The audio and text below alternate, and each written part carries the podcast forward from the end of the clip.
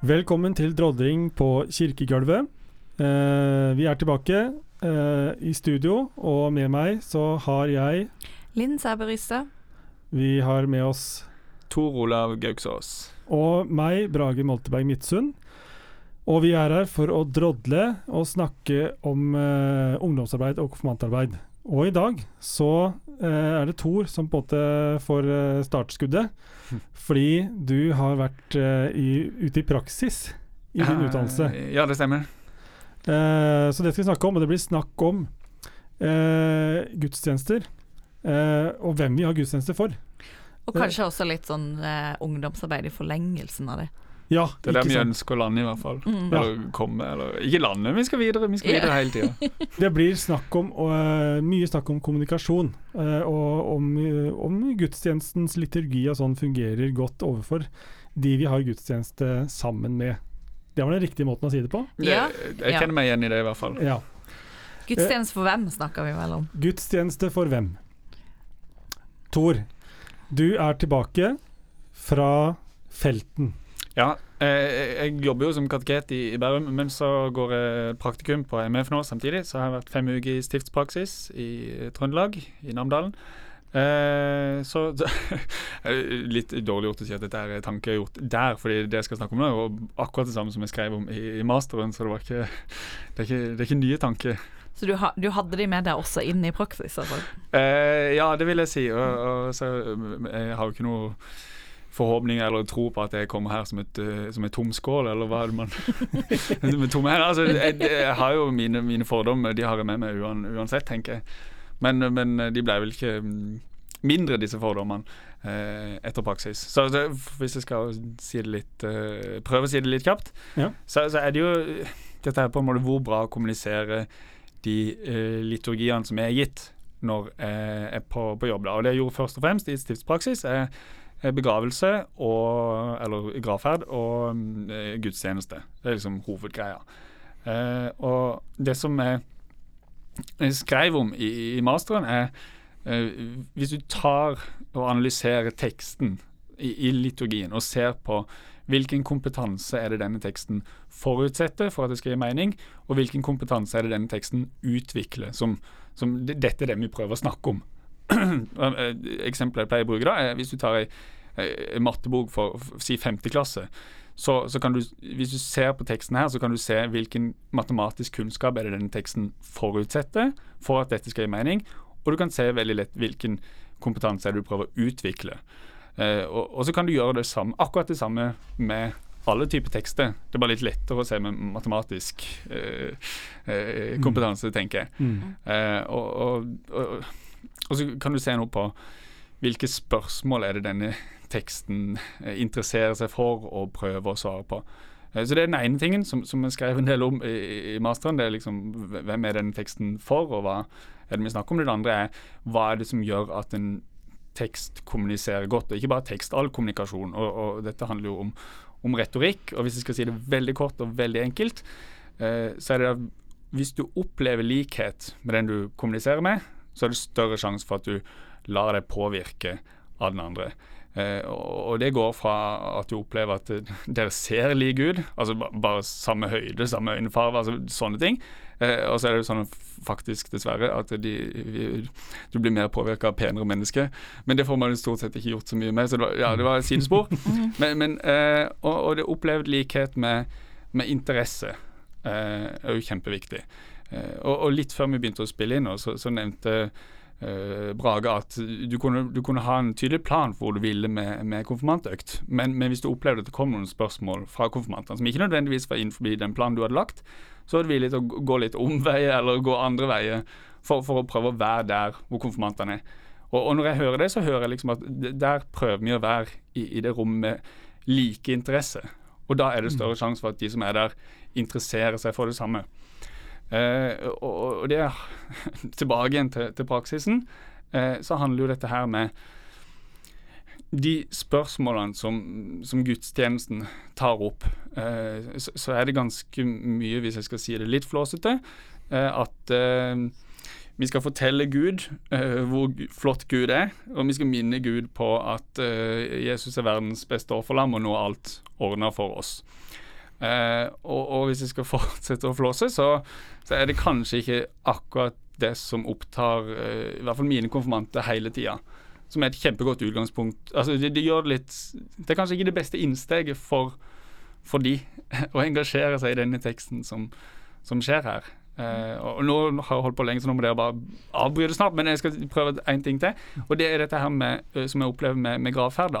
At jeg opplever at det i større grad en seremoni som svarer til folks eh, behov og sånn sett interesse da, i det som skjer der. At, eh, det, jeg tror man i større grad, hvis man kommer altså Medlem i Den norske kirke, eh, alle de som er medlemmer, jeg tror flere av de skjønner større deler av hva som skjer her, av de ordene som blir sagt i en gravferd, enn større deler av i ordninga for hovedgudstjenesten. At der er, Du forutsetter mer teologisk kompetanse og litt sånn uh, spissere interesse for teologi i, i, um, i hovedgudstjenesten. Mm. Og, og, så det må jo sies, det må ikke være feil, det. Uh, men, men, da er jo spørsmålet igjen hvem er det vi har gudstjeneste for? Hvem er uh, målgruppa vår her? Um, mm. Ja. Det første jeg tenker på, det er Her er det masse å snakke om og som jeg er enig i, det er hva er det som gjør at uh, gravferdsliturgien fungerer bedre? Er det at vi snakker om uh, sorg og håp, liksom? Altså det er sånn tema, grunnen til at vi er samlet der og der, eller er det mer språklig og tekstene vi har valgt? Altså Jeg tror ikke man trenger å velge mellom det. i det hele tatt. Altså, jeg tror, altså der er det jo Folk har jo altså Det har jo ikke nødvendigvis med hvordan det er skrevet, men det er jo veldig mye med tradisjonen vi kommer fra, og, og historien med at det, det, er forventning om at dette er noe som følger med. Så, mm. så man er jo innstilt på dette her, tenker jeg. Eh, men, men, så tror jeg jo det, det er formalisering av, av, av, sorg som folk opplever. Man, det er et slags ordentlig farvel. Mm. Eh, så, så temaet tror jeg er bra. Men jeg tror òg tekstlig at det er lettere å henge med på det som skjer her. At du mm. ser en tydeligere sammenheng med hvorfor er jeg her, og de, denne teksten svarer på hva mine forventninger til, til hvorfor jeg er her. Det er vel kanskje også en enklere oppgave, da. Når du kommer i en gravferd, så er det litt sånn avklart på forhånd. Hvorfor er jeg her? Det er ikke noe sånn at det, eh, den ene kommer den Altså I en høymesse da så kan man ha veldig mange forskjellige grunner for hvorfor man er der. Ja, ja, ja. Mens i en gravferd så har en mer avklart forhold til hvorfor man er i den gravferden. Mm. Så sånn sett er det kanskje en enklere oppgave å skrive en liturgi som kommuniserer til gravferd enn til høymesse. Ja, jeg er helt, helt enig. Mm. Uh, så det er jo ikke bare at det, det, det, ene er bra håndverk, og det andre er dårlig. Uh, men, men, det er på en måte Og da tenker jeg sånn i forlengelsen av hvor høyt skal vi prioritere uh, hovedgudstjenesten for alle, f.eks. mine konfirmanter som, som, skal gå på åtte gudstjenester i løpet av konfirmantåret. hvorfor skal de det, og, og hvordan legger vi opp til, til det, da. Hvis det, er på en måte, det er de vanskelige forventningene, det er ulike forventninger her. og ja. Mm. Jeg syns det er kjempespennende, og det, Homolitikken bruker jo mye retorikk. Altså Homolitikken, eller læren om prekenen, som er mitt liksom, hjertefag, eh, bruker mye retorikk. Og særlig de siste altså de siste ti årene kanskje innenfor homolitikken, så har man fokusert veldig mye på etos, som man kaller det for fint. Altså troverdighet. At det, er den som preker eh, både må, altså må oppleves troverdig for at folk skal gidde å høre på. Uh, og det handler jo litt om den her opplevde likheten, mm. selvfølgelig. Uh, ja. Så det syns jeg er kjempemye spennende som ligger i i, generelt i kommunikasjon i kirka, da. Hvordan tenker vi kommunikasjon? Eh, er det forskjell på liturgi og preken og undervisning, eller er det egentlig samme greia vi driver med hele tida her? Eh, du har, har, ikke du sagt tidligere det er litt, eh, litt overlappende der mellom eh, preking og undervisning og Jo, men det er en kjepphest som vi skal ta i en annen podkast, tror jeg. Eh, men, men det, mm. er, det, er, interessant, og så syns jeg også det er interessant med eh, gudstjenesteboka, altså ordning for gudstjeneste i Norsk kirke, eh, det som står der, er jo at alle gudstjenester skal være for alle. Ja, det, ja, det skal være mm. forventning om at det skal være for alle generasjoner. Mm. Um, ja. Og så står det samtidig at hvis det er barn til stede, hvis det er unge til stede, så kan det være man må gjøre noen endringer. Så det er liksom to ideal i den uh, gudstjenesteboka, da, sånn som jeg leser det. Ja, det er to ideal, ja. At uh, på en måte uh, gudstjeneste for alle, med unntak av barna. Da gjør vi noe spesielt for dem. Ja, og unge. Det står barn og unge. Ja, ba, ja, barn og unge, ja, ja. Det gjør det egentlig litt verre, spør du meg, da. Ja. Eh, for hvis ikke en gudstjeneste klarer å nå Altså Hva tenker man da? Barn og unge. Eh, er du opp, opp til 15 år, så er det ikke så farlig om du forstår. Da lager vi en spesialgudstjeneste. Spesiell liturgi til deg. Nei, men det er jo ikke alle steder man kan eh, Det, det står veldig tydelig Mm. under prekenen, f.eks. Eh, Ja. Det som man sier om prekenen i den gudstjenesteboka som kom i 2020, Mm. så står det veldig tydelig at eh, særlig hvis det er forkynnelse for barn og unge, så kan det være man må bruke drama, bruke eh, visuelle virkemidler. Altså de det er ganske sånn tydelig foreskriving at her må det Mm. skje et eller annet. Ja. Og det har jo jeg kritisert før, og mener at det, det, der gjør man noen antagelser. Der gjør man jo forutsett Altså man tar Åh, man tar eh, Nå knoter jeg litt, men man, man setter noen forutsetninger som man ikke alltid nødvendigvis trenger å sette for de barna, da.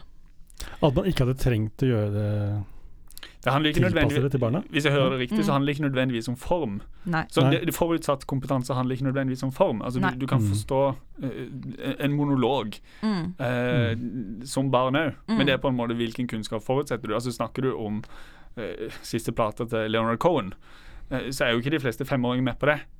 Eh, men, men det finnes andre sanger som de Ja. i større grad er med på. Altså, så, Mm. Hvis jeg hørte Linn. Er, det er veldig godt oppsummert av meg. Men altså, eh, det er noe av det jeg finner i avhandlinga mi, er jo at eh, når, prest, når predikanter, for det er både prester og kateketer og menighetspedagoger og frivillige og alt mulig, skal forkynnes, så endrer de formen, men de endrer ikke innhold. Så tenker man at da har jeg endra nok. Fordi jeg endrer formen. Jeg gjør noe nytt, jeg gjør noe annerledes, jeg har drama, jeg gjør et eller annet. Men innholdet kan fremdeles være vanskelige ting som eh, Jesus er vår redningsmann. Ja, sånn, ja. Mm. Mm. At det er liksom Men fordi jeg sier det mange ganger, og de skal gjenta det, og de skal huske den setninga, så har jeg på en måte Da har jeg tilpassa det til barn. Da har du vært pedagogisk. Da har du vært pedagogisk. Ja. Og nå er jeg litt slem, jeg òg, altså. Ja. Eh, og det er vanskeligere sagt enn gjort, det her. Men, eh, men det er noe med at form og innhold henger sammen, da. Du Mm. kan ikke bare endre formen uten å endre på innholdet, eller du kan ikke bare endre innholdet uten å Ja. Ja, men det, ja. ja man forstår de tingene sammen. Mm. Mm. Du, det, det er mener det er jo ikke jeg som fant på dette, her, men du må ta utgangspunkt i de som er der, hvis du har lyst til å kommunisere til, Mm. til, til de som er der, og, og være klar over det. Og det eh, ja, eh, Dette er noe, sikkert noe mest eh, kjente fra kirkegård, men det er jo dette her at hvis du skal hjelpe noen, så må du ta utgangspunkt i, der de er. Og du, Ja. du, må, du må ikke bare vite mer enn de, men du må vite akkurat hvor de er, Mm. for å kunne hjelpe de, Mm. de videre. Og så liker jeg å si at eh, Jesus er inne på noe av det samme poenget litt før eh, kirkegård. da, med, med eh, når han snakker om dette her med, med et stykke tøy som du skal lappe, så sier han at du må bruke samme type tøystykke hvis du skal lappe det. Hvis du skal fylle vinsekker, så må du ha ny vin i nye vinsekker. Altså Dette her handler om å tilpasse. og det Jøde for jøde, greker for greker. Så er det liksom noen av de gamle Mm. ja, det, det, det er Bibelen òg, hvis hvis noen trenger å høre det. Ja, ja, ja. Og da er spørsmålet hvor gode er vi på det når vi har eh, høymesse eller gudstjenester? Rett og slett. Og Det er det, det som er din, litt, eh, din kjepphest, er at veldig mange av de som kommer til gudstjeneste, folkekirken, eh, med stor F, eller hva man eh, sier, har de forutsetningene til, til å forstå hva de er med på i gudstjenesten. Har jeg forstått det rett, da? Det er liksom det som er Altså, ja, ja Eller gjør vi det, gjør vi det riktig for å nå dem, da? Eh, det syns jeg at vi ikke gjør. Nei. Eh, Det, det syns jeg ikke vi gjør. Men det, er der mener Den norske kirke kan godt ha ulike prioriteringer på hvem er det vi lager eh, hovedgudstjenesten for.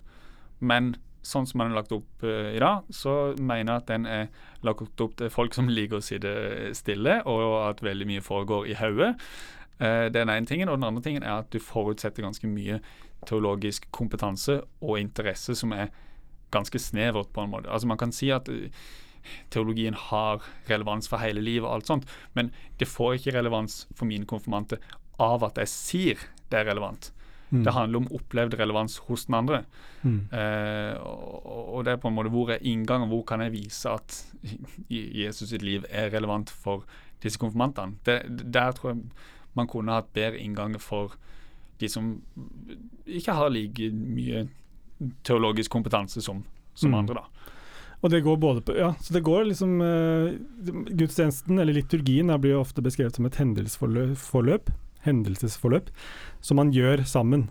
Uh, og så er, bruker man masse ord. Eh, og, du- og du tenker både, både ordbruken, liksom, for folk vet ikke hva de hører, eller skjønner ikke helt hva de hører, og det at man på en måte sitter stille og måte gjør ting som man ikke forstår. Altså, jeg, jeg har sett mest på, på teksten i, i min oppgave, mm. men jeg mener at det handler om alt mulig. Altså på Når du er usikker om når skal jeg reise meg, når skal jeg sette meg. Ja. Uh, det, det, påvirker jo hele opplevelsen. Men òg med selve teksten er vanskelig. Altså, og, det, og det, Noe av det som jeg så på, er jo på en måte hvilken karakter er menigheten i, i, uh, i gudstjenesten? Hvilken karakter er hovedliturgen? For hovedliturgen er på en måte Snakker av og til på vegne av menigheten, snakker av og til på vegne av Gud, snakker av og til til Gud fra seg selv. Altså det, det, og det blir ikke presisert hvem du er. Så, så det, er på en måte, det er mange karakterer som er her, men det blir ikke sagt. Så du, du, det, det, er ganske krevende å finne ut hvem er hvem her, og hvorfor sier vi dette her. Og det er mm. sånn, Hvis, hvis du vet at du har gloria fordi det kommer altså det, det er opprinnelig lovprisning fra Bibelen, så gir det mer mening. Mm. Uh, I hvert fall hvis du tenker at disse fortellingene har en autoritet. Men, men, det er jo på en måte vi, vi, dette er vel sånn her homiletikk, sånn her As One Without Authority, som er sånn her uh, viktig bok. At, man skal begynne å preke som om du har ikke autoritet når du begynner. Altså, du, du, du, må skape den. Ja. Oh, ja. Skape autoritet gjennom uh, det du snakker om. Eller kanskje ikke autoritet er det beste norske oversettelsen. Nei, men altså Det han er opptatt av, da, er jo at før så kunne man gå opp i talerstolen og bare forutsette at folk hørte på det. Mm. Men du, må, kan, må, du, kan, ikke lenger gjøre det. Uh, og denne her kommer på sånn 69-70-tallet. Mm. Så, ja. uh, og han er jo opptatt av Fred Craddock, som han heter. Han er opptatt av at man skal uh, forkynne unnifra og ikke ovenifra. da. Mm. Så han snakker om induktiv forkynnelse, hvis ja. man er liksom inne i disse induktiv, deduktiv Altså induktiv betyr unnifra deduktiv betyr ovenifra. Så du skal liksom du skal ned fra denne her opphøya posisjonen, og så skal du forkynne unnifra og prøve å lytte deg inn på menigheten og hva menigheten vil si. og sånn. Ta liksom utgangspunkt i menighetens erfaringer. Ja. Mm. Og, og, det er jo på en måte vi, vi, altså, vi, Hvis du syns at Bibelen er en viktig bok for deg, så, så, er det jo mer interessant hva presten har å si om Bibelen. Mm. Uh, men hvis du ikke tenker at når du kommer inn i Bibelen altså, Det har ikke så mye å si for, for meg og mitt liv, så, så har jo preken da mindre relevans. Mm. Hvis, du, hvis, du, tenker at det er en sammenheng der. Ja. Og så har han fått kritikk, da, fordi at eh, det er mange som mener at du kan ikke lenger klare å få tilgang på menighetens erfaringer, for de er så spredt. På 70-tallet så så alle på NRK, f.eks., så du kunne mm. forutsette at eh, ganske mye var kjent, da, men det kan du ikke lenger. Eh, så det har han fått kritikk fra. Men da er det jo også spennende at nyere, nyere homiletikk sier jo at man kan være steinuenig med presten, og ikke egentlig får så mye ut av prekenen, men en går allikevel fordi at en opplever at det har noe å si for den som sier det. Mm. Ja. Så, og det er noen som har sagt Nå husker jeg ikke hvilket prosjekt dette er fra, men det var også et dansk prosjekt der det er en som har sagt det. Men jeg kommer i kirka fordi at jeg vil oppleve et menneske som tror på noe. Ja. Og, og da er det liksom nå, nå, vet ikke jeg, nå kommer jeg fra lavkirkeligheten og frikirkeligheten, men for meg så er det lettere å formidle det at nå står jeg her og sier noe om 'dette tror jeg på' i prekenen enn det er i liturgien. Men det er jo også fordi det er, det er, litt fremmed for meg. Jeg har jobba meg inn i det. Jeg trives bedre med det nå enn jeg gjorde før. Og det er mye med å ha noe fast liturgi som er litt deilig, også når man kommer fra frikirkeligheten. eh, at man ikke må finne opp kruttet hver eneste søndag. Uh, og Du kan hvile i noe av det, da, men det er jo noe med åssen får jeg formidla Det husker jeg i hvert fall at jeg jobba en god del med. Åssen får jeg formidla at dette faktisk er noe jeg ikke bare står og sier her fordi at jeg må stå her og si det. Mm. Men hvorfor, hvorfor, sier jeg det her, da? Hva, hva, ligger det i Gloria? Hva ligger det i Kyrie? Uh, og, og, faktisk ordentlig jobbe seg inn liturgisk i det, det tar jo lang tid. Mm. Uh, og det er det jo ikke Altså, jeg tenker det er det jo noen som får til. Det er jo noen ganger jeg har vært på gudstjeneste med en liturg der jeg tenker wow. Dette her, liksom, dette betyr noe for deg, virkelig. Eh, og da tror jeg at om ordene da er litt, litt gammeldags og sånn, så har ikke det så mye å si. Men en får en opplevelse at her er det noe på spill, da. Ja, det ja, sånn, ja. sier man noe ja. For Jeg leser jo en del retorikk i forbindelse med avstand, og det er på en måte autentisitet. som, ja. som er sånn der fine ord for tida. Med, med, med, god grunn, tenker jeg. Eh, men, men, det er jo dette, opplever man at dette er noe som Er det noe som står på spill her? Mm. Mener man men det som blir sagt, jeg kjenner meg jo veldig igjen at det er lettere å, å, å på en måte mene det jeg sier i preken, enn eh, resten av liturgien. Mm. Og samtidig har jeg med meg bevisstheten at min uh, utstråling, altså i hvilken grad det virker som at jeg mener det jeg sier, påvirker folks opplevelse. Så selv om jeg kan slite litt med det, så er det sånn, ja, men jeg må prøve å vise at dette betyr noe, fordi det har noe ja, altså det, det, ja, det tror jeg ble litt rotete, men, Mm. men, men det Ja, for det kan jo feile hvis du på en måte mener for mye i liturgi, liksom at det blir for uh, For alle ord blir like tydelige, og du legger trykk på alt, liksom. Mm. Det kan jeg skjønne. Jeg, jeg kom på en historie fra da jeg hadde praksis. Det er, det er jo ikke mer enn et år siden. Eh, så jeg lærte på Når jeg hadde liturgikk, fra en fabelaktig foreleser og en stor liturgisk tenker. Eh, men noe av det vi lærte der, er at eh, vi skal ikke vise eh, med bevegelse når folk skal reise seg og sette seg ned. Det skal gå av seg sjøl. Så en liturgisk skal ikke vise sånne ting, da. Oh, ja. Så var jeg ute i praksis i nabokommunen eh, eh, og tenkte at i dag kjører jeg det løpet hvor jeg da ikke viser noe som helst. Uh, og det var rett etter pandemi, så det var ikke så mange som kom. Det kom fire-fem stykker kom. Det var da en veileder, en sogneprest fra der jeg jobber, på Jessheim, og prosten. De satt på første rad sammen, og jeg skulle kjøre det løpet. Eh, og bare drev liturgien uten å noen gang vise tegn til at de skal reise opp eh, og sette seg ned til første salme. Eh, evangelieteksten og sånne ting. Gjorde ingenting. Og fikk masse respons på det, for å si det sånn. Til og med de som på en måte var ganske godt vant til kirka, syntes det var eh, veldig dumt. Og, og det skjønner jeg godt. Eh, eh, og jeg kan spesielt tenke meg det i forhold til dåpsfamilier. For det er så mange ganger jeg har opplevd at det sitter et svært Kanskje flere store dåpsfølger på de første radene, og så sitter menigheten bakover. Mm. Og så er vi kanskje 80% ut i første salme, hvor de dåpsfølgerne skjønner at oi, vi skulle visst stått. Ja.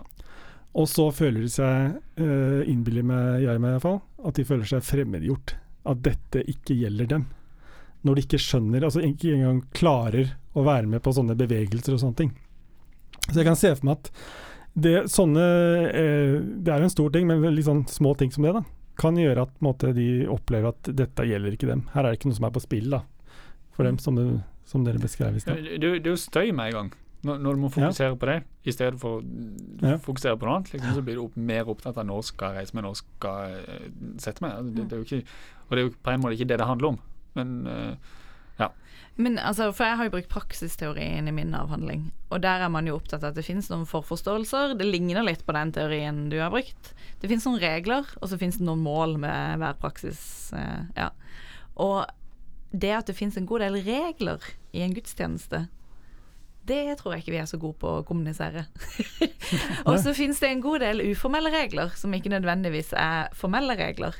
Og de forandrer seg kanskje fra sted til sted.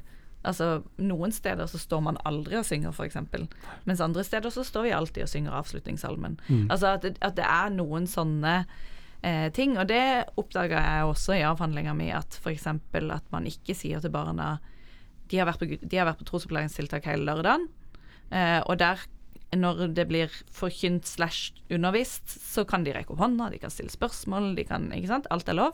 Kommer i gudstjeneste på søndag, de sitter og rekker opp hånda. Ingen spør de, ingen liksom tar Altså, de må bare sitte der med hånda i været. Mm. Fordi at det er gudstjeneste, det er søndag, da kan du ikke stille spørsmål. Og det er det jo ingen som sier til de barna. Men det er jo en regel. Mm. Eh, og så høres regel veldig sånn ja, men noen har skrevet det ned, men det er det jo ikke nødvendigvis. Du kan tenke mer norm kanskje av og til da enn regel. Men det er jo en regel at når presten preker på søndag i gudstjenesten, så skal du ikke rekke opp hånda og stille spørsmål. Men det sier vi jo aldri høyt. Mm. Så det er en god del sånn, ikke sant. Skal du inn i en praksis, skal du jobbe deg inn, skal du bli kjent, så må du gå ganske ofte, altså. For å forstå hva er det som skjer her. Mm. Hva er det vi gjør? Når er det vi reiser oss? Når er det vi setter oss? Uh, og ja uh, Hvem er det her for, da? Hvem er det vi vil ha inn i denne praksisen? Hva slags praksis er det vi inviterer inn til? Eh, Ja. Det er jo interessant. Det er interessant fordi i folkekirka så er det mange som kommer en gang i året. Eller det kommer, noen kommer bare til dåp. Mm. Og gravferd, det er populært da. Men, Mm. eh, men noen kommer bare til dåp. Og så kommer disse 40 000 konfirmantene, var det ikke det du sa, hvert år? Ja, altså det er jo, det er, jo det, det, det er min store kjepphest her i mitt uh, liv, presteliv. Det er jo det at vi har 30 000-40 000 konfirmanter i året i Norske kirke. Nye konfirmanter som kommer hvert år, og som er på masse opplegg, inkludert da vanligvis eh, åtte gudstjenester i løpet av konfirmanttida, skal de være med på. Mm. En unik mulighet til å, å på en måte ta det med inn og, og, og la de oppleve fellesskapet der. Men eh, utnytter vi det, da? Eh, eh, jeg har jo det, var, Jeg så litt på, på dette her med, med ungdommens holdninger til, til gudstjenester. Men jeg har hatt sånne store konfirmantundersøkelser, og der har man målt eh, konfirmantenes eh, eh, hvor velvillig innstilt de er til gudstjeneste før og etter konfirmanttid. Eh, og de er jo mindre positivt innstilt til gudstjenesten etter konfirmanttida. Er det det? Ja. Mm, den forrige undersøkelsen. Det kommer snart. Jeg er med på den nye undersøkelsen. Ja. Den kommer funn eh, neste år. en gang. Er de mer positive nå? Nei, vi har ikke sett det. Jeg har ikke sett det. Jeg tør ikke si noe om det ennå. men, men, men, det tenker jeg eller For meg, i mitt hode, så er det et skikkelig varsko. Altså at, at på en måte, hvis, hvis vi hadde hatt noe bra til dem, og her har de, skal de være med på åtte gudstjenester, og så liker de det dårligere enn da de begynte. Mm. Det, det, Ja, det er trist. Det syns jeg. Og det er vel også samme undersøkelsen altså De stiller oss spørsmål om tror du på Gud, og det øker i løpet av konfirmasjonstida. Mm. Altså antallet som tror på Gud, Mm. sier at de tror på Gud i begynnelsen og på slutten, så er det flere som tror på slutten enn de gjorde i begynnelsen. Men de syns gudstjenestene er kjedeligere enn når de begynte. Mm. Så Ja. de to tingene henger jo ikke nødvendigvis sammen der. Nei, og det er jo ja, er det, er det, det å gå på gudstjeneste som er det viktigste for et kristenliv i, i, generelt, eller og i Den norske kirke, og det er jo i alle andre steder, men, Mm. men er det det som svarer best på hva som, som gjelder, da? Altså Mm. det, eller hvis jeg skal si det spisst igjen, så for meg som har konfirmante, det viktigste for meg er ikke uh, om de blir mer glad i gudstjenesten uh, når de er ferdige enn da de kom. Jeg har ikke noe imot det, det må de gjerne bli, liksom. Og, og vi snakker jo om gudstjenesten, jeg prøver å forklare og gi de kompetanse så dette her skal gi mer mening. Men, men det er ikke altså Først og fremst så vil jeg jo at de skal tro på at de er skapt, ønsker og elsker akkurat sånn som de er. Eh, og det syns jeg ikke at gudstjenesten er det som svarer best på. Eller sånn, det, det handler om hvordan hvordan prioriterer jeg tida som er gitt med Mm. disse her, på å, å, å videreføre den, det som jeg ønsker gitt til dem. Mm. Eh, og da tro, tror jeg det finnes andre ting enn gudstjenesten. Selv om Mm. vi bruker tid på det. Ja. de skal gå på gudstjeneste og ja, prøve Ja, vi- å følge boka sånn sett. Ja, vi må jo det. Vi må jo følge trosopplæringsplanen. er jo der det konfirmantplanen ligger nå. Litt Mm. sånn uggen Det er en egen podkast. Konfirmantplan i Den norske kirke. Ja. Uh, men uh, jeg har jo en drøm, da. Om at, eh, at de gjennom konfirmantia skal oppleve gudstjenestene som relevant. Men jeg, jeg er veldig enig med deg også når det blir sånn negativt. eh, og at de går liksom bare kurven går nedover gjennom uh, konfirmanttida, så er det jo kjempetrist. Og jeg tenker at det er liksom hvis, hvis Vi ønsker jo at eh, flest mulig skal delta i gudstjenestene, ikke på en sånn kommersiell eh, måte, overfladisk måte, men fordi gudstjenesten er til for alle. Og, sånn. og så eh, gjør vi noe der med denne store massen med mennesker som kommer i kirka for å delta og for å lære. Eh, så er det i hvert fall, tenker jeg at da burde vi ha som mål å gjøre noe grep der, da. Men, men for, det at eh, fra et sånn mer sånn ungdomsteologisk perspektiv, så kan man jo da spørre Er gudstjenesten målet med ungdomsarbeidet og trosopplæringa? Er det sånn vi egentlig setter det opp? At de går i trosopplæring og barne- og ungdomsarbeid, og så når de blir ordentlig voksne og ordentlig kristne, så, så syns de det er gøy med gudstjeneste. Er det litt for provoserende? Jeg syns jo ikke det, men ja. Nei, det, nei, ikke, nei det syns ikke, det syns ikke jeg er så provoserende.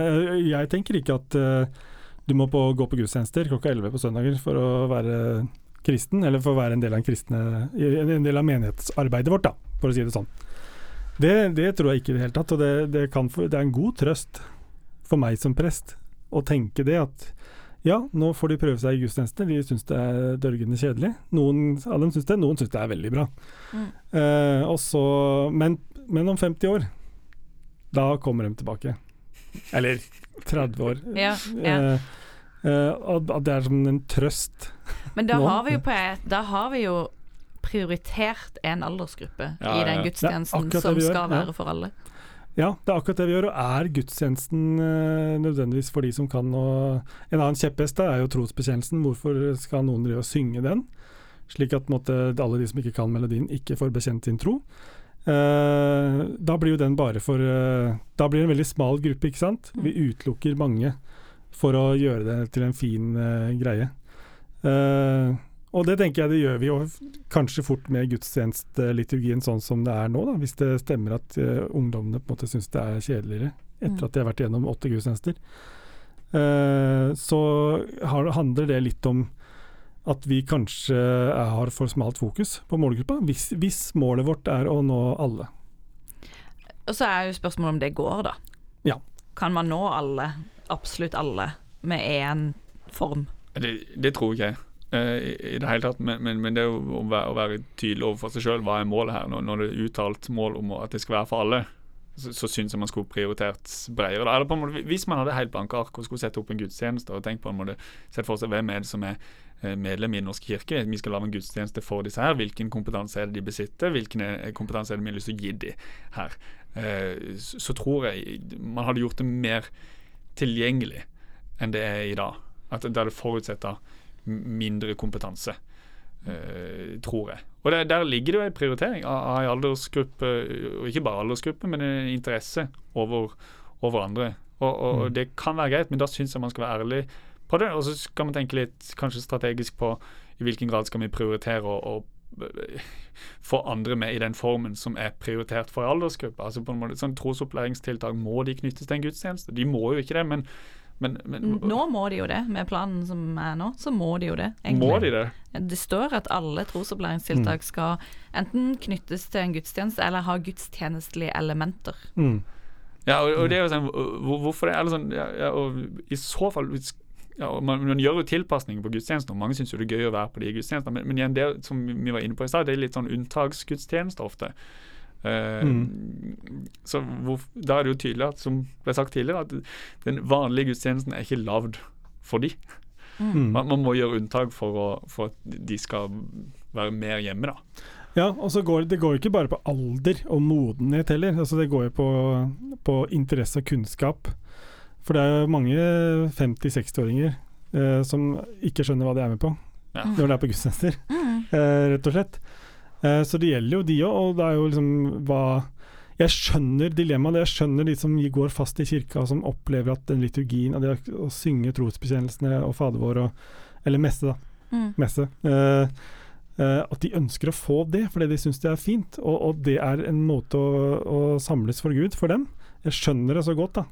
Eh, så det er jo litt sånn, eh, litt sånn kompromisstankegang, kanskje. Og er man villig til å slippe det eh, Eller noen prester tror jeg opplever det som et dilemma, rett og slett.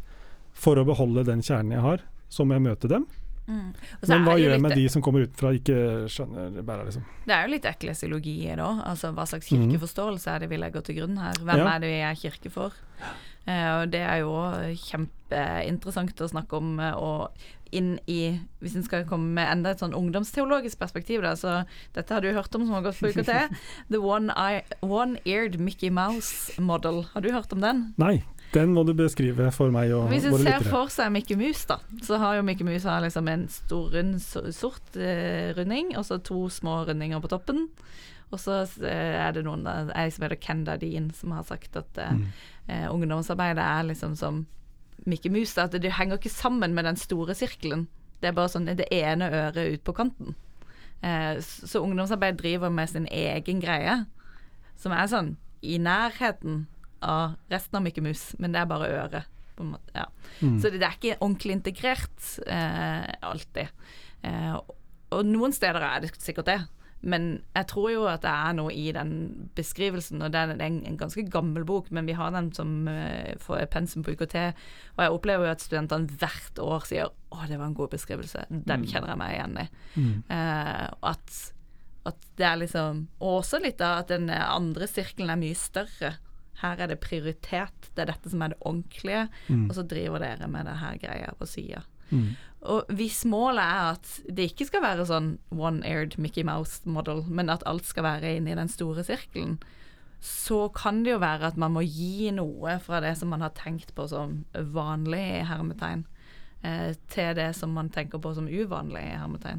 Mm. Eh, men det er jo en sinnssyk interessedebatt, selvfølgelig, Ja, det, som du ja. beskriver. er Mm. hvem, hvem sitter på makta, hvem får lov til å gjøre prioriteringer her? Og, og hvis vi vil at det skal være reelt styrt av medlemmene, så må man kanskje de som sitter på mest makt nå, være villige til å gi fra seg noe makt. Sånn at ikke det er bare sånn jeg kommer og blir som oss, men, men gjør rom for, for de andre som er her. Og det tenker jeg sånn ungdom, for hvilket, ja, hvilket rom har de for å påvirke resten av menigheten, det store selve ansiktet, og ikke bare være det øret på sida, da. Mm. Ja, det, er- det er interessant å ha hørt hva Hvis ungdommene fikk sånn som Fikk lov til å sitte der uten å føle seg trua av noen voksne eller eh, kunnskap, liksom. Og bare si 'hvordan ville du formulert Mm. de og de leddene for at du Mm. skulle oppleve at det var relevant. Uh, det har vært spennende. Jeg bare, det har ikke noe mye å si om det, men uh, Sankt Jakobskirken i Bergen Mm. Med en ung prest der, jeg kommer ikke på navnet på sparket. Øyvind Rudolf, Rudolf. eh, Vi har akkurat vært der på studietur med UKT. Ja, så kult. Mm. Han har jo fått, eh, eller de har jo fått muligheten til å lage liturgi Mm. uh, sjøl. Eller tilpasse liturgien Mm. eh, på en eh, måte som de syns treffer. De skulle ha temagudstjenester eh, helga etter vi var der, og det var temagudstjeneste høymesse. Å ja. Det var tema. Å, det er kult. Og de, han sa at de var så gira, da, de unge voksne som var der. Altså, yes, nå skal vi få lov til nå skal vi liksom ha ordentlig høymesse. Mm. Temagudstjeneste høymesse. Jeg syns det var en kjempemorsom måte å gjøre det på. Mm. Vi var på Coldplay-gudstjenesten når vi var der. Ja, for det er mye sånne type ting. Det, er, det, høres, det må jeg se før jeg måte skjønner helt. Så Ringenes herregudstjeneste, Harry Potter-gudstjeneste og Coldplay. Det er veldig utrolig kult, da. De har mye ressurser, og de, Ja. han, eh, han trenger ikke ha gravferd, han trenger ikke ha Ikke sant. Nei. Så det, det er jo et prosjekt, og, som, eh, og da er det jo liksom OK, de gjør seg noen erfaringer, hvordan kan man da ta de erfaringene inn til en type hverdag der du ikke har all verdens tid til å være superkreativ med gudstjenestene. Mm. Men i konfirmantopplæringa så vet jeg jo Jeg syns stadig vekk jeg ser folk som legger ut på Facebook Nå har mine konfirmanter skrevet trosbekjennelse. Nå har ikke sant sånn. Og, og der blir jeg Jeg blir litt ambivalent av og til til akkurat Mm. trosbekjennelsen. Men, eh, men jeg er mer eh, på at OK, hvis konfirmantene skulle ha skrevet Kyrie, hvis konfirmantene skulle skrevet Gloria, hvordan hadde det sett ut? Mm. Trosbekjennelsen blir jeg litt sånn den var så vanskelig å få sammen, og den er liksom så gammel at eh, kanskje vi bare skal la den være som den er. Mm. Eh, men, eh, men andre ledd, da. Ja, og Ja. forbønn er jo en glimrende Forbønn. mulighet, uh, Mm. syns jeg. Eh, det som er litt sånn eh, Det er to Jeg, jeg ser på meg sånn eh, to mulige grep da, for å få til det her. Det er jo på én side forme liturgien og gjøre den om, slik som Sankt Jakobs. Og de deler fra seg, så det er mange masse eller med seg. Så de, der kan vi få masse, de av oss som ikke har tid til å lage sjøl. men uh, hadde økt kunnskap også gjort noe, da. Altså at vi gir F.eks. i min konfirmantundervisning så har jeg etter hvert skjønt at temaet gudstjeneste, det burde jeg ha tidlig Mm. i konfirmanttida. Slik at de skjønner hva de er med på. Og vil det da gjøre at gudstjenesten oppleves mer relevant for dem, fordi de vet hva det er som skjer? Eh, kunnskapen, eh, på en måte, kan det i seg selv være Ja, men det tror jeg jo, det er jo på en måte, Mm. Da har de mer av den kompetansen som forutsettes, og det blir mindre ukjent. Ja. Og sånn sett mer likt. Men det er jo på en måte hvor, hvor mye tid og ressurser skal man bruke da på å gjøre dette mer, mer kjent. For, for det er jo andre ting man kunne snakke om. Men, men jeg tror absolutt Mm. det, eh, det hjelper, da. Går det an også å tenke at uh, dette er bare skydd fra hofta, altså. Men at la oss si at man har eh, undervisning om uh, Jesus, at en da finner noe i gudstjenesteliturgien som knytter altså, Og her i gudstjenesten er det vi snakker om Jesus, eller her, ikke sant? Det er litt i Mm. trosbekjennelsen, det er litt her, det er litt her. Altså at man knytter gudstjenesteelementer til den undervisninga man har, da, istedenfor å altså, Og i tillegg til å ha et eller annet om Nå kjører vi, dette er gudstjeneste. mm. Uh, ja. Det var Ja, men, ja, men det tror jeg, jeg tror absolutt Mm. alt det som hjelper, at du f f f forstår det bedre. Mm. mm. Men det er på en måte hvor mye tid og krefter skal du bruke på det. Og, og det er jo ikke nødvendigvis det som de syns er mest interessant å lære om når du er der i timen heller. Eh, og, og hvis vi skal snakke litt om, mer om retorikk og, og, og etos, eh, så er det på en måte hvilken opplevd troverdighet det, Din opplevde troverdighet er det du har å forhandle med når du skal overbevise noen om å, om å ta til seg kunnskap eller ho- endre holdning eller noe sånt. Men det, når du gjør det, så mister du fort litt av din troverdighet hvis du snakker om noe som er kjedelig. Ja, eh, så sånn, det er en Mm. slags eh, commodity, eller sånn der, hvis hva man skal si på norsk, eh, som du kan forhandle med. Eh, så hvis, hvis dere sier dere liker meg kjempegodt eh, og syns jeg er supertroverdig, men jeg mener noe som dere syns er helt dust, men jeg fortsetter liksom eh, eh, snakke om dette her, så vil det ofte være sånn at dere blir litt mer enige med meg, men dere vil like meg litt dårligere etterpå. Mm. Uh, og, og, og sånn er det eh, tenker jeg, det er i undervisning òg. At hvis jeg på en måte skal bruke tid på noe som de egentlig ikke syns er interessant, så kan det være at de lærer litt mer om det, men de liker meg litt dårligere etterpå. Som gjør det litt vanskeligere neste gang jeg skal snakke om noe. Det, det er sånn, da.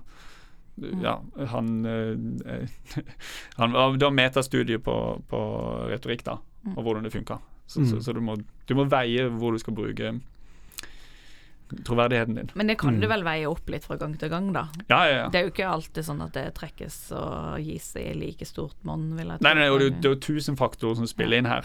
Så, Mm. så eksempel hvis du bare hele tida smiler og oppleves som hyggelig, så kan du fort veie opp for alt det kjedelige du sier. Så det, det er tusen faktorer her. Men, men å være klar over at dette spiller inn, tror jeg er nyttig, da. Og så har Mm. jeg, så, så er det jeg, jeg har snakka om henne før, Karin Rubensson, svensk forsker som har forska på liturgi og gudstjeneste for barn, så det er anbefalt eh, avhandling å lese. Karnevalsk gudstjeneste har hun skrevet. Eh, men hun, de barna hun intervjuer, sier jo at men det er ikke så farlig at det er litt kjedelig. Det er jo sånn å lære seg ting er litt kjedelig, sier de. Mm. Så, eh, så det er jo noe med at ok, kanskje er ting av og til litt kjedelig, og kanskje er det helt greit at det av og til er litt kjedelig, hvis ikke alt er kjedelig. Mm. Det, ja, og det er, det er noen ganger jeg tror det, Altså, jeg pleier jo veldig ofte å, å fortelle masse tørre vitser. Særlig hvis vi er på leir eller har sånn leirdag og sånne ting med konfirmantene. Og de er irritert og provosert i starten på at vi kommer med de tåpelige vitsene, også mine medarbeidere. Men så bare fortsetter jeg å trykke på, uh, uh, og, og de ler av hvor, dum jeg er. Uh, men så, grunnen til at jeg gjør det, det er for at jeg har erfart gjennom mange år at når jeg har hatt en runde med tørre vitser, så er vi kompiser neste gang vi møtes. Ungdommene elsker det. Jeg har også møtt det jeg hørte en, for noen dager siden, en prest som jeg kjenner til, som overhodet ikke er noe særlig glad i å jobbe med ungdommer. Eller han, han, han sier sjøl at han får liksom ikke til den kontakten i det hele tatt. Uh, men når han er på leir, så, så står han alltid en halvtime og forteller knusk tørre vitser. Og er superpopulær bare pga. det. Uh, og jeg opplever at når jeg har den, får til den relasjonen, så har jeg en bedre kontakt også under gudstjenesten. Uh, at de er mer med, da. Mm. Selv om kanskje det er kjedelig det jeg snakker om da. For i preken så dropper jeg de vitsene, men jeg snakker om uh, noe mer alvorlig. Likevel så har jeg Det er jo et retorisk grep jeg har gjort, da. Mm. Uh, og tenker relasjon. Ja, det er jo den troverdigheten Hvis, hvis, man, Troverdighet, hvis man skal ja. se Mm. alt inn i retorisk uh, linse, da, så er det jo det du går inn og For, for nå har jeg, jeg snakka litt sånn bare ut fra tekst, nesten, Mm. og, og, og det, det skrevne ordet. Men det er jo ikke sånn, det er alle disse andre tusen faktorene. Mm. Så, så det at du liker presten som står der, eller, eller er velvillig innstilt til presten, har supermye å si for hvordan du oppfatter gudstjenesten, Mm. og motsatt. Mm. Og dette er jo sikkert noe folk kan kjenne seg igjen i. Hvis det er noen du er litt irritert i, så, så, så, så sier de fryktelig mye dumt. Men, men de som du har litt ekstra til overs for, de, de sier veldig mye smart. Mm. Eh, så dette er jo ikke bare, dette er ikke bare gudstjenesten. Dette er Og så kan, du, så kan du jo opprette den troverdigheten der og da òg, hvis Ja. ikke du kjenner folk på forhånd. Mm. Så det, det er jo selvfølgelig en stor fordel å ha stått på leir og fortalt tørre vitser i en halvtime og ha en relasjon. For da har du med deg noe troverdighet inn i gudstjenesten, men du kan også opprette troverdighet når du står der og sier noe. Ja. Eh, som Ja, det viser, Ja. Der, og der kan det komme noen faktiske tips på det. Er det, for det er jo ikke alltid lett å være lik, som var det jeg sa i stad. Men den andre tingen er opplevd eh, kompetanse. Eh, Så det å framstå som, som kompetent eh, Mm. er lurt, men, men du må jo ikke gjøre det på en sånn nedlatende måte. da. Og opplevd velvillighet. Altså at- at de du kommuniserer til, opplever at du har velvilje Mm. overfor de. Eh, En sånn ja, sånn funn man finner igjen på hva er det som gir deg troverdighet, da. Mm. Ja. Og, og ja, det, ja, det tror jeg er viktig. Og jeg leste litt homiletikk eh, når jeg tok praktikum òg, og da var det én De er så forskjellige i forhold til sånn manusbruk og sånne ting. Mm. Da var det en som var veldig opptatt av at man ikke skal ha manus Mm. når man preker. Eh, og i forkant eh, må gjerne skrive manus først, da, men han skal være i teksten Ja. ei uke eller sånne ting. Mm. Eh, og så ikke bruke manus. Og det høres litt sånn flåsete ut, men jeg har jo faktisk prøvd Jeg, jeg har funnet ut for min del at eh, når jeg nå klarer å droppe manus Jeg skriver det fullt ut, bruker masse tid på preken og kan det rimelig godt, men dropper manus når jeg står og preker, og bare ser i øya på folk. Da øh, øh, gir den mer troverdighet, eller jeg får bedre kontakt med dem, og det funker bedre. Det gjelder ikke for alle, og jeg tenker for mange menighets, eh, eller folk som sitter i menigheten, så, så er det bedre å høre på en som leser opp en godt gjennomskrevet uh, tale og sånne ting. Det er ikke det. Men sånne ting er viktig, da. Og det kan vi Eh, gjerne ha en egen podkast på, eh, manusbruk i Ja. der tror jeg at opplevd troverdighet er det Ja. viktigste, enn Mm. enn formen. Ja. At det ikke er om du har manus eller ikke, men, men hvordan oppleves det. Men hvis du klarer det uten manus, så, så, er jo det på en måte ja, da kan, det, Du kan kommunisere på en annen måte med, med, med kropp og blikk og ja, ikke sant. Det handler egentlig ikke om, om, eh, om selve manuset. Det at jeg får det til å funke uten manus. Men det handler mer om at da fungerer jeg bedre som Ja. sjøl, da. Eh, som eh, et troverdig eh, Ja, jeg, jeg tror det. Så, så Ja. når jeg hører noen snakke om det, så syns jeg man låser seg for mye på form. På. Er det manus, er det Ja. ikke manus, er det litt manus, er det Ja. stikkord? Mm. Men, men, at ja, det er troverdigheten du utstråler, som jeg tror liksom Mm. gjelder for alt. da Ja, ja.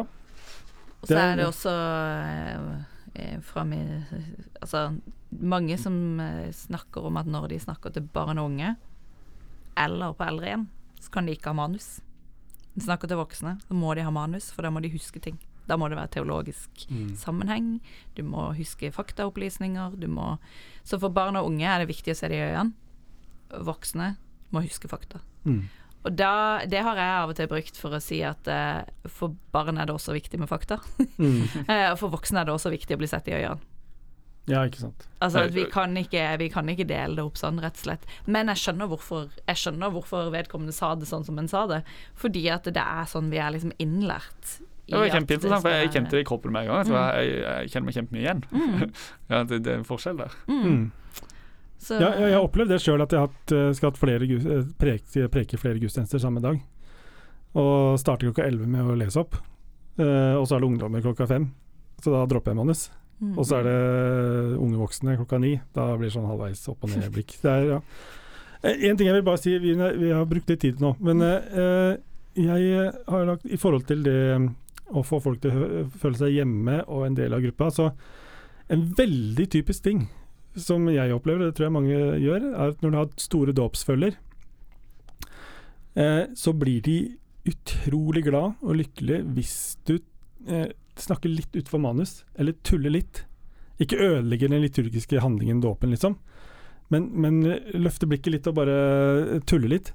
Med plasker ved vannet med barn eller sånne ting. Er, noen syns det her er helt på trynet. Uh, men, men liksom den type ting, hvis dere skjønner hva jeg mener. Som gjør Handler det rett og slett om at da opplever dåpsfølget større likhet med meg som prest? At det ikke er en sånn der, uh, høyverdig type som står og følger manus uh, og, og gjør ting helt riktig, men slipper meg litt løs. Er det en måte å skape likhet?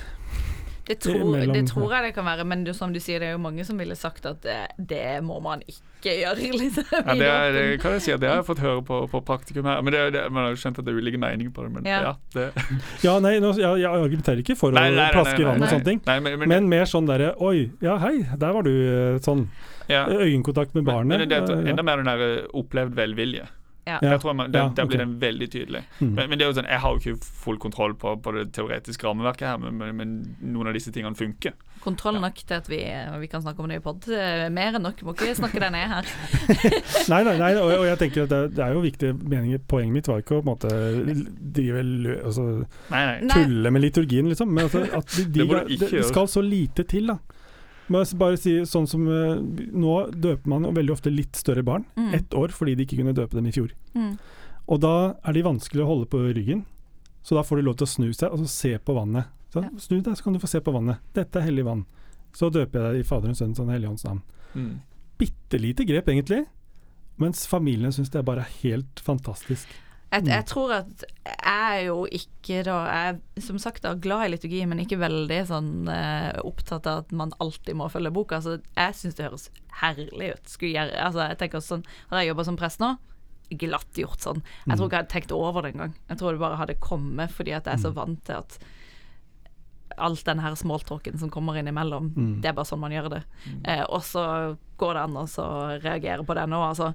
Men, eh, men samtidig så, så tror jeg også at det er noe med eh, Det er et eller annet med den opplevde likheten, da. Jeg tror at jeg av og til, som ung kvinne som ikke ser ut som en prest, av og til, eh, misforstår meg rett, eh, eh, har noe gratis der. Mm. Fordi at rett no, For noen noe gratis, og for noen absolutt ikke. Men, Ja. men kanskje særlig på sånn type døpsfølge som, som ikke er vant til å gå i kirka. Mm. Så liksom, Oi sann, men du ser jo ikke ut sånn som alle prestene har vært vant til at du skal, skal se ut. Og da får man en eller annen opplevd likhet, ekstra velvilje, Ja. eh, som man kan forvalte eller ikke forvalte. Og så selvfølgelig helt motsatt mange andre steder, da. Men, eh, men at det er noe, noe Jeg kjenner igjen noe med den her likheten og Ja. ulikheten. Og det å være helt ulik det liksom tradisjonelle i hermetegnbildet av en prest. Altså, jeg er ikke mann og ikke over 50, Mm. og da får jeg noe gratis. Men det er jo sånn veldig mange liker si kirke og sin prest, men kirka og prester de er litt vare rare. Og, Ja. og det er jo sånn eh, Lave forventninger er en velsignelse, mener jeg. Det er jo dritlett å være morsom fra en talerstol, for det er så Mm. lave forventninger. Ja. Eh, ja. Så det skal ikke så mye Det, det skal veldig lite til, da. Ofte. Ja, det skal det. Og det skal det. Også, dette her kan vi snakke så utrolig mye mer om seinere, men, men da vil jeg bare tenke vi kan gå for landing Mm. med en utfordring der Ja, nå har vi snakka veldig mye om hvordan vi kan møte dem der. Eh, men er det et poeng at eh, gudstjenesten er jo eh, noe annerledes? Og den er i et annerledes rom, og det er hellige handlinger. Eh, er det ikke greit at den er litt spesiell? Og kan det hende at noen tenker at uh, hvis jeg er med på en gudstjeneste hvor det, det er noen ord jeg, eh, hvor jeg forstår alle orda, liksom, eller hvis vi tar bort alle de vanskelige orda, så mister den liksom det der annerledesheten og helligheten.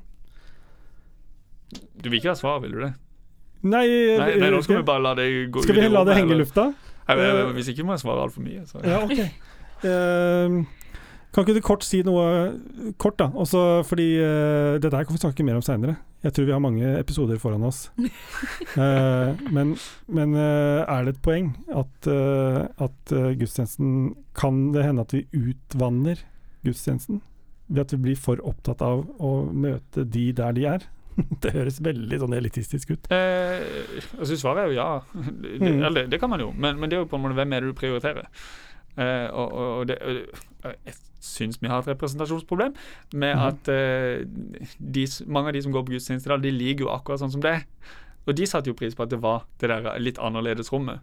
Men så er det jo Mhm. alle de som ikke kommer på gudstjenester. og Hvis vi ser kirkebøkene i dag, så er det ganske mange Mm. som ikke ble bergtatt eh, av eh, det annerledes rommet og den annerledes eh, hendelsen. Så det er jo, for, for noen er det der eh, det fantastiske ligger, Mm. og for ganske mange så kan det se ut som at eh, det var ikke, det, de ble ikke fanga.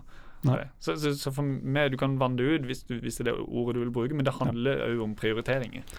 Det handler mer om prioritering enn utvanning, og det var frekt sagt. eh, eller Ja, det men det, var det er- får meg man litt friksjon, og da Men det vi er, jo et, og- det er jo et poeng at Mm. dette er et antrom, en annen eh, Ja. Eh, de barna jeg intervjuer, sier jo at de snakker om andre ting når de er i kirka, enn det de Mm. gjør vanligvis. Så i våre liksom forsøk på å bygge ned terskler, bygge ned terskler, bygge ned terskler, så kan vi ta bort noe av det hellige Mm. og det Ja. annerledes. Altså, det er jo en balansegang det her da, hele tida. Men jeg tror jo noen ganger at det vi tror er vanskelig, ikke nødvendigvis alltid er det som er vanskelig. Mm. Og det vi tror er lett, ikke nødvendigvis alltid er det som er lett. Så det å være litt nysgjerrig på sin egen menighet med stor Altså med alle medlemmer, hva er det som er Hva er det dere syns er vanskelig, hva er det dere syns er lett?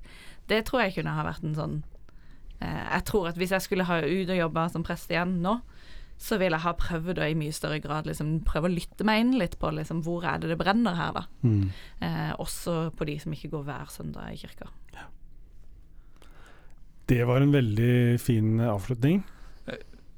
Eller vil du si mer? Ja, det som jeg ville si, var bare at jeg kom på en vits. Ja, så, når, når, når vi snakker om disse tørre vitsene, og jeg har jo Ja. gjort litt sjøl, for når jeg en gang var i praksis, var en kateket som gjorde det veldig mye, syntes det var veldig gøy sjøl. Mm. Jeg finner på egen vits. Uh, jeg er veldig fornøyd. Eh, Ja. så, så jeg vet ikke om det blir det aller siste, men dette er jo et praktisk tips. Som dere, kan, dere kan få lov til å bruke denne vitsen så mye dere vil. Nydelig. Den er Og, det er dyrevits. Og da er det da Hvilket eh, dyr i jungelen er det vanskeligst å løpe gjennom? Det vet jeg ikke. Nei, og det er lemur. Lemur, ja. Mm. Her er det bare språk og dyrerike inne i bildet. Tenker jeg er en spennende, spennende vits som vi trekker ut. Jeg har selv blitt utfordra til å ha standup-show på en kafé på Kløfta, fordi vi dro inn så mye penger. På, da skal jeg ta den. Det lover jeg. Takk. Eh, vi går inn for landing, men eh, en fin konklusjon. Det har vært en veldig fin samtale. Har, nå har dette vært startskuddet på noe, for her er det tydeligvis mye vi kan snakke om. Og det har vært veldig interessant å høre Tor snakke om, eh, om eh, hvordan vi møter de som er sammen med oss i gudstjenester.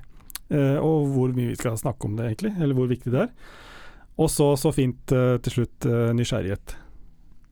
Folkens, eh, vær nysgjerrig i tida framover. Se litt på hvem dere, menighetene deres er. Eh, De som er der, og de som ikke er der. Eh, Og hva kan vi gjøre med gudstjenestene våre som, som gjør at de opplever det at det er en relevant ting som gjelder dem, da. Og hellig. vi- Hm? Og hellig. Og den skal være hellig. Den må være hellig. Vi sier det sånn. Takk for nå. Takk for nå.